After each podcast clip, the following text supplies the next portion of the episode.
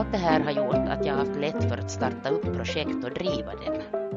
Jag har grundat föreningar, jag har grundat företag, jag har dragit olika projekt. Uppbyggnad är helt enkelt det som driver mig. Jag fick både teori och praktik i Hanken.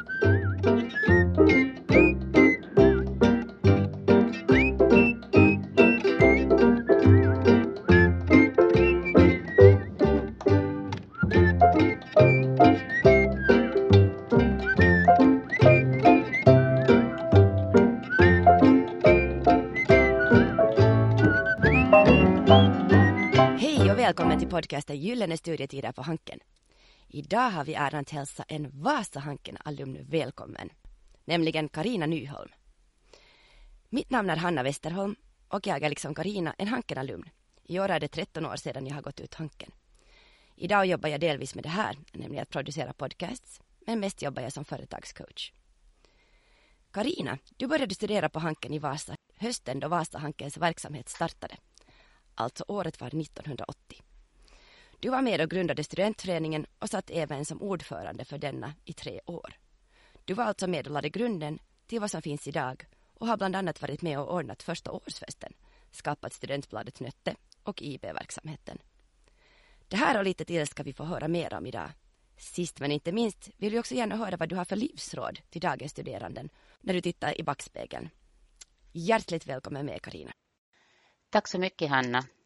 Det var jätteintressant när du ringde upp mig och, och det där, för jag har otroligt goda minnen från min studietid. Det är roligt att höra. Det ska bli så roligt att prata mer om dem idag här på podden. Men innan vi börjar prata om dina studieminnen så skulle vi gärna vilja höra att vem du är. Vem är Karina sådär allmänt och vad har du gjort i ditt arbetsliv och vilka saker ligger dig varmt om hjärtat? Okej, okay, jag, är, jag är Vasabo. Jag är född och uppvuxen i Österbotten i en transportföretagarfamilj. Och jag har också varit företagare i princip hela mitt liv. Eh, något större ska vi säga karriärsteg så har jag kanske inte gjort, men jag har ändå haft ett mycket innehållsrikt och intressant arbetsliv. Jag har i stort sett varit inom transportbranschen största delen av mitt liv. Eh, först jobbade jag på familjeföretaget P. Nyholm och efter det så drev jag sen tillsammans med min bror familjens specialtransportföretag Seestrands. Och det företaget sålde vi sedan 2007. Mitt stora intresse, hobby eller vad man ska säga har alltid varit hästar. Jag har tävlat inom hoppning och jag har haft eget stall hemma på gården nu i över 30 år.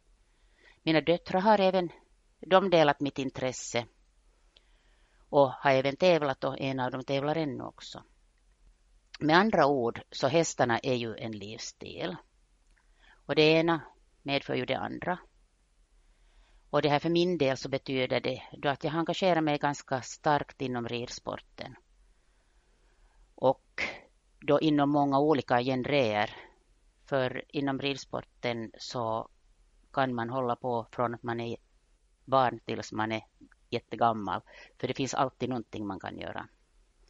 Jag hade också engagerat mig inom Finlands ryttarförbund. Eh, och det här var väl kanske av den orsaken då jag också när vi sålde företaget då ombads att fungera som projektchef för ett hästsportcenter som planerades i Vasanejden. Det var som planering och uppbyggnad av någonting nytt och det här passar ju mig alldeles förträffligt. Efter det, det här har jag sen då drivit eh, en tid drivit stallsverksamhet och ridskola men numera så satsar jag mera på den frivilliga sidan eller Ryttarförbundets verksamhet. Samtidigt som vi nog har andra verksamheter ännu. Vi har ett eh, IT-företag som gör transportsystem för, för eh, logistik och transportföretag. Och sen finns det vissa andra uppgifter till så att dagen fylls mycket väl jag skulle säga det att det som har varit min stora fördel är att jag redan som mycket, från mycket ung så fick jag bekanta mig med, haft den fördelen och fick bekanta mig med arbetslivet. Och jag har alltid varit hungrig på att lära mig nya saker. Och det här betydde då också att jag efterhand fick bara mera krävande arbetsuppgifter. Och det här ligger ju egentligen till grunden för det vad jag har gjort senare. Tack så jättemycket Karina för din, för din historia. Du har varit väldigt företagsam i liksom företagsverksamheten och under studietiden och på fritiden att det verkar som att du är en väldigt aktiv person på alla håll och kanter. Vi ska tala lite om din studietid. Det var så att du började studera vid Hanken i Varsta då, hösten 1980 och det var då som Hanken startade i Varsta. Och du var liksom bland de 55 första studerande, om jag har förstått rätt, som började på Vasa Hanken den, den hösten. Det här måste ju ha varit mycket spännande och helt annorlunda än vad det är att börja idag då Hanken i Vasa redan har funnits i 41 år. Kan du berätta för oss om dina första studieveckor hösten 1980? Ja, alltså det var faktiskt väldigt spännande och innehållsrikt att få vara med från då Hanken började och starta upp här i Vasa. Eh, vi var inhysta i Handelsläroverket som nog inte kanske riktigt var den rätta omgivningen för Hankens studier. Vi var där ett år, men till det andra året då så hade man hittat ett nytt hus för Hanken. Och vi började då andra året i den så kallade gamla Tiklasfastigheten. Och numera så har Hanken hela den fastigheten till sitt förfogande. Första studieveckorna, ja. Personalen bestod av en biträdande sekreterare, en kanslist, en lektor i statistik och ADB och några timlärare. Övriga föreläsare kom till största delen från Helsingfors. Några lokala anlitades också. Det var nog en spännande tid. Vi hade inga klara system, ingen uppfattning om vad högskolestudier är, ingen uppfattning om vad studieliv är. Och vi, vi hade inget att ta efter, utan det gällde bara att börja bygga upp någonting nytt. Det måste ha varit mm. väldigt roligt och spännande och annorlunda på den tiden. Ja, det var verkligen det. Mm. Alldeles säkert. Du valde finansiering och investering som huvudämne om jag har förstått rätt och du hade redovisning som biämne, stämmer det? Ja, det stämmer.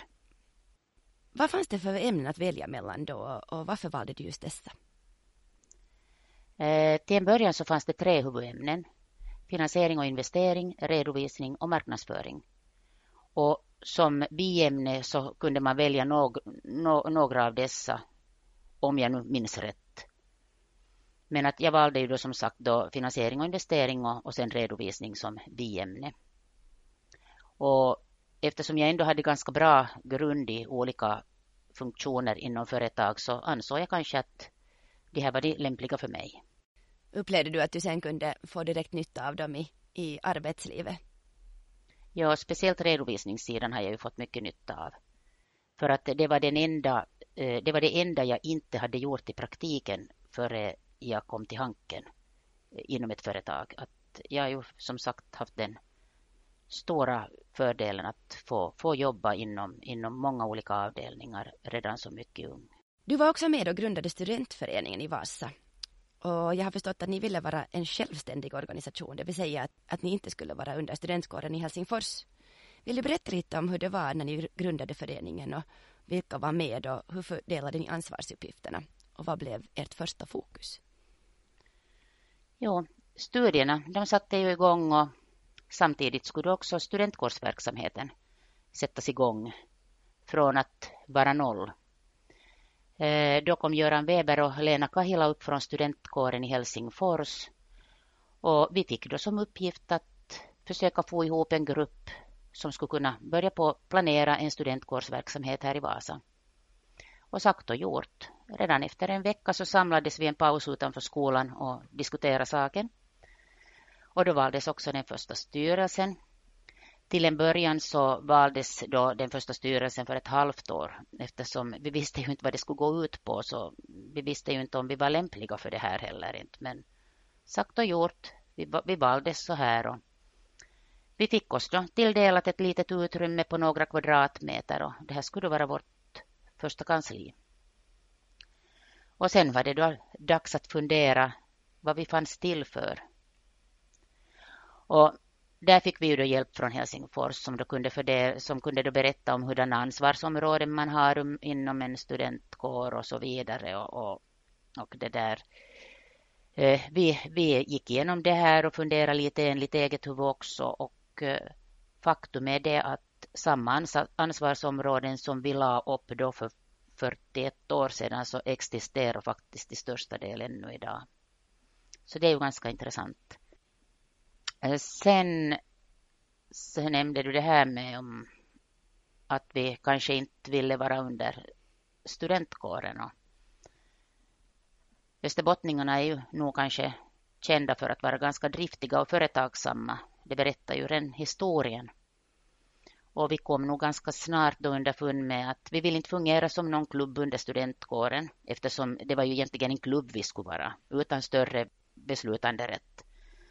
Så vi beslöt då att vi skulle bilda en förening och registrera verksamheten och det här stötte ju givetvis på mothugg från studentkåren.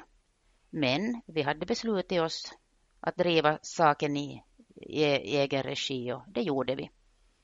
Och om jag kommer rätt ihåg så eh, jag först skrevs ju stadgarna och, och andra i tolfte redan den första hösten så hade vi stiftande möte för studentföreningen vid Svenska Handelshögskolan i Vasa.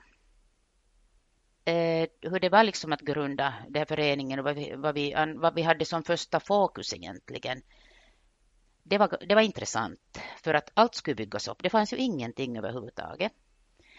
Men vi inledde nog samarbete direkt med eh, Vasan korkeakoulun ylioppilaskunta vad Jag kommer inte ihåg vad det hette. Det var vid, vid pedagogiska fakulteten, deras studentförening också.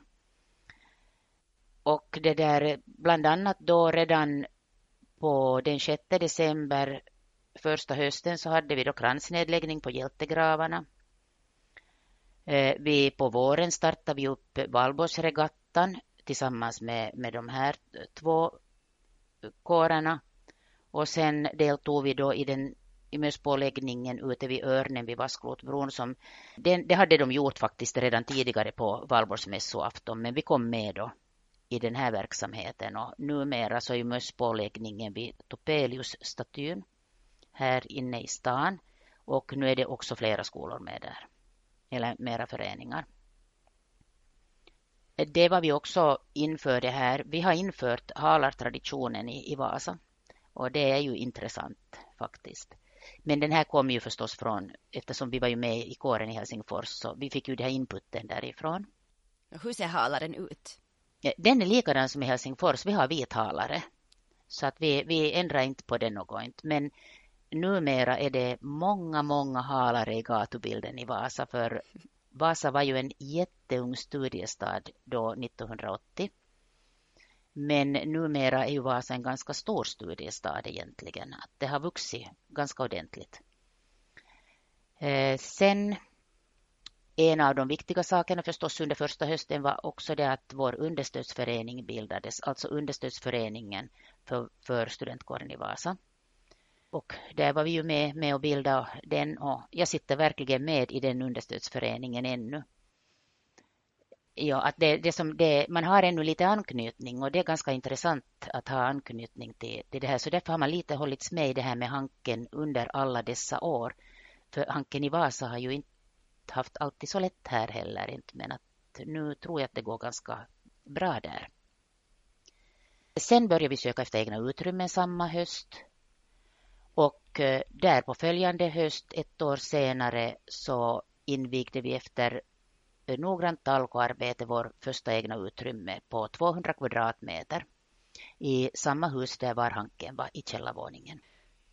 Du fungerar Karina också som ordförande för studentföreningen i hela tre år. Vad innebär detta och hur valde man nästa ordförande? Eh, enligt stadgarna då som vi gjorde så sitter styrelsen alltid ett år åt gången. Men eftersom vi hade det bara fungerat ett år och det var de samma Eh, från de samma 55 studerande som det skulle väljas då följande styrelse så då fortsatte den här första styrelsen. Så därför blev det två år att det blev ganska liksom naturligt då att, att jag också fortsatte som ordförande. Men sen blev det ännu ett tredje år för mig. Och man kan säga att under de här två första åren så byggde vi upp verksamheten till vad den i stort sett är ännu idag. Det tredje året, så det var då mycket lättare år. För då hade vi även fått med nya styrelsemedlemmar som då kunde föra den här verksamheten vidare. Så att det var egentligen ett övergångsskede där. Det var därför det blev så här många år. Att ingen har ju suttit mera än ett år efter det här. Så ett ja. år är den där tiden som man sitter idag?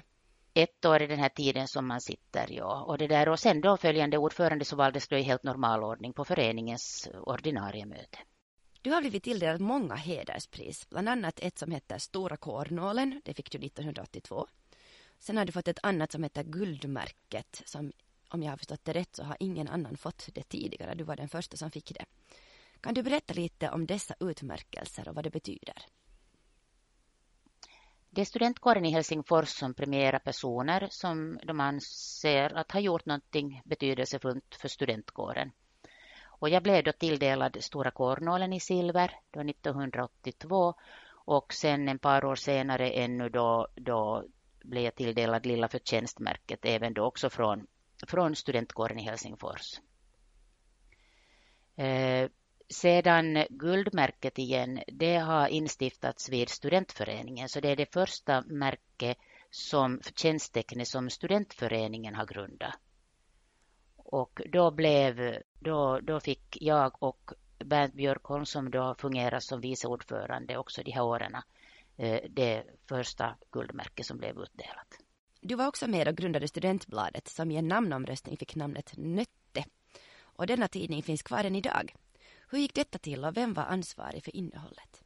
Eh, vi var ju som sagt ganska aktiva och genast den första hösten så ansåg vi att vi ville ha en egen Hanke Iten-tidning. Men det måste förstås få ett annat namn. Det kunde ju inte vara Hanke Iten eftersom Hanke Iten redan fanns. Och då röstades namnet fram och det blev Nötte. Eh, om inte jag minns riktigt fel så var det nötskalet som blev förkortat till Nötte allting i ett nötskal. Och den första chefsredaktören var då Annika Arner. Så hon var ju som då ansvarig för innehållet och samla ihop det. Jag har förstått att årsfesten i Hanken i Vasa alltid hålls den 3 december. Eh, den första av denna sort gick av stapeln den 3 december 1981. Kan du berätta för oss hur ni valde datumet 3 12 och hur var den första årsfesten? Vad hände där? Vad finns det för traditioner som eventuellt finns kvar idag? Ja, I Helsingfors så ordnas årsfesten alltid den 24 i andra. Och det är då på årsdagen för näringsfrihetens införande i Finland. Eh, vi var redan första året då 1980, hösten 1980, så var vi ett litet aktivt gäng härifrån Vasa som deltog i den här årsfesten. Och då vi hade deltagit i den och sett hur mäktig den festen var så tyckte vi att ja, men en sån fest, en frackfest måste vi ju införa i Vasa också. För något sådana har inte funnits här tidigare. Sagt och gjort. Eh, och då började vi söka datum. Det här var ju inte ännu, det här blev ju som aktuellt då under mitt andra studieår. Eh, vi började söka datum och eh, då var vi i kontakt med en lektor i historia här i Vasa om han kunde känna till något lämpligt datum man kunde ha som har att göra med handel och med Vasa. Eh, och han kom på då att den 3 12 1765 den 3 12 1765 fick Vasa aktiv stapelrätt. Och det har ju att göra med handel så då tyckte vi att det är ett utmärkt festdatum för handelshögskolestuderande. Och då beslöts det också att årsfesten alltid ska hållas den 3 12 precis på samma sätt som i Helsingfors har man beslutat att det alltid ska hållas den 24 i andra. Nå, hur var den första årsfesten och vad hände där? Vi ville ha allting att gå rätt från första början. Vi ville inte ha en fest som är någonting ditåt utan vi ville ha en riktig fest. Vi gick väldigt noga igenom hur det ska vara precis, hur det, var, det är solennakten, hur solennakten ska gå till och allting. Och vi hade ju jättebra här för att då hade vi bästa, vår tänk, bästa tänkbara lärofader. Det var då studentkårens dåvarande inspektor Jalle Storgårds. Och han hjälpte oss med det här och sen faktiskt att efter den här första årsfesten så eh, gjorde vi upp ett PM som Jalle sen rättade. Han rättade eventuella etikettsbrott för att etiketten var jätteviktig för honom. Och så betonade han vissa saker.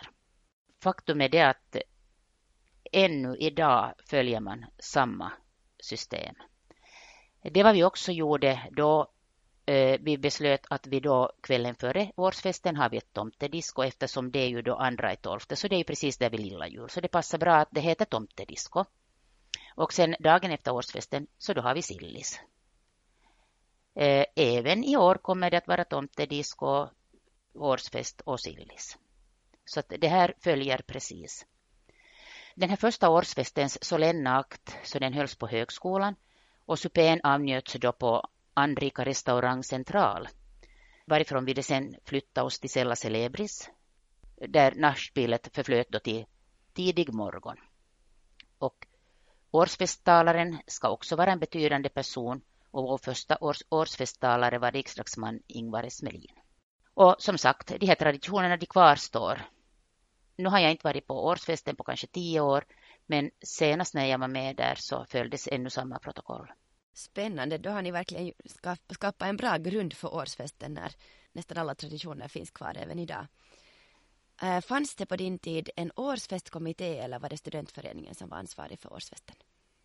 Eh, vi utsåg en årsfestkommitté ja, som hade hand om, om det här. Då. Att första året var det nog, ska vi säga, årsfestkommittén bestod egentligen av, av styrelsemedlemmarna då.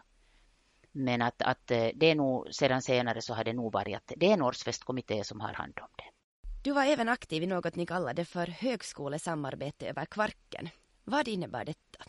Eh, det är egentligen som namnet säger, det är ett högskolesamarbete här över Kvarken, det vill säga mellan Vasa och Umeå.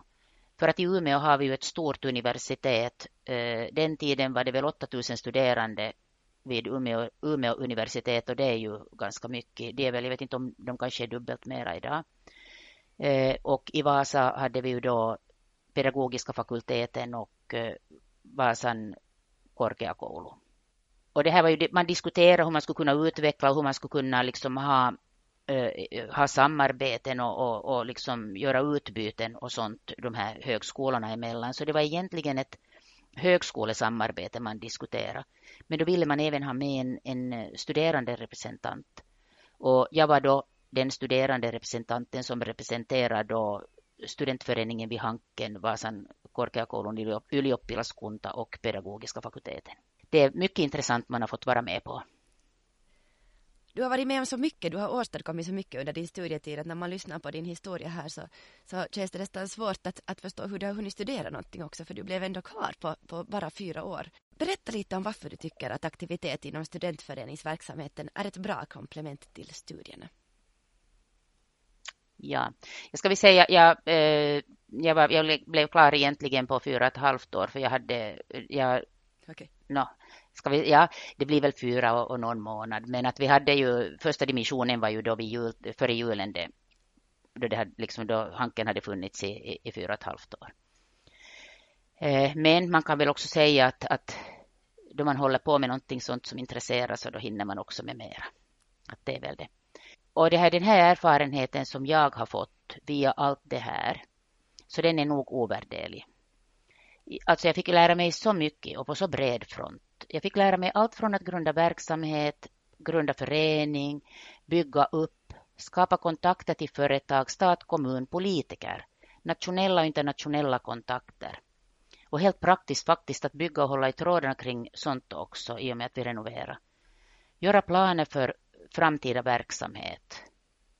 Ja, jag hade flera planer ännu sen då jag slutade där också, liksom för vidare utveckling. Men det var ju också tid att slutföra studierna, så det var det, var det som tog över då. Men, men det var otroligt, det man fick göra. Alldeles säkert. På vilket sätt upplever du att du i allmänhet har haft nytta av Hanken-studierna senare i ditt liv? Ja, man kan väl kanske säga att den här tiden på Hanken och jobbet med studentföreningen, så det har nog format mig som människa. Som jag nämnde så var det de kontakterna jag har, som jag knöt där. Det sätt som jag måste lära mig att ta mig fram på. För det är alltid det här när man bygger upp någonting. Det här har varit liksom verkligen viktigt för mig. Allt det här har gjort att jag har haft lätt för att starta upp projekt och driva dem. Jag har grundat föreningar, jag har grundat företag, jag har dragit olika projekt. Uppbyggnad är helt enkelt det som driver mig. Jag fick både teori och praktik i Hanken. Så här avslutningsvis undrar jag, att finns det något råd som du skulle kunna ge nu till dagens studeranden? Ja, det jag brukar säga, det finns annat än enbart studier. Till, till exempel studentföreningsverksamheten, det är ett bra komplement till studierna. Men glöm dock inte att studera ändå. För det är, också, det, det är ju därför man är där i Hanken. Tusen tack snälla Karina för att du gästade vår podd. Tack själv.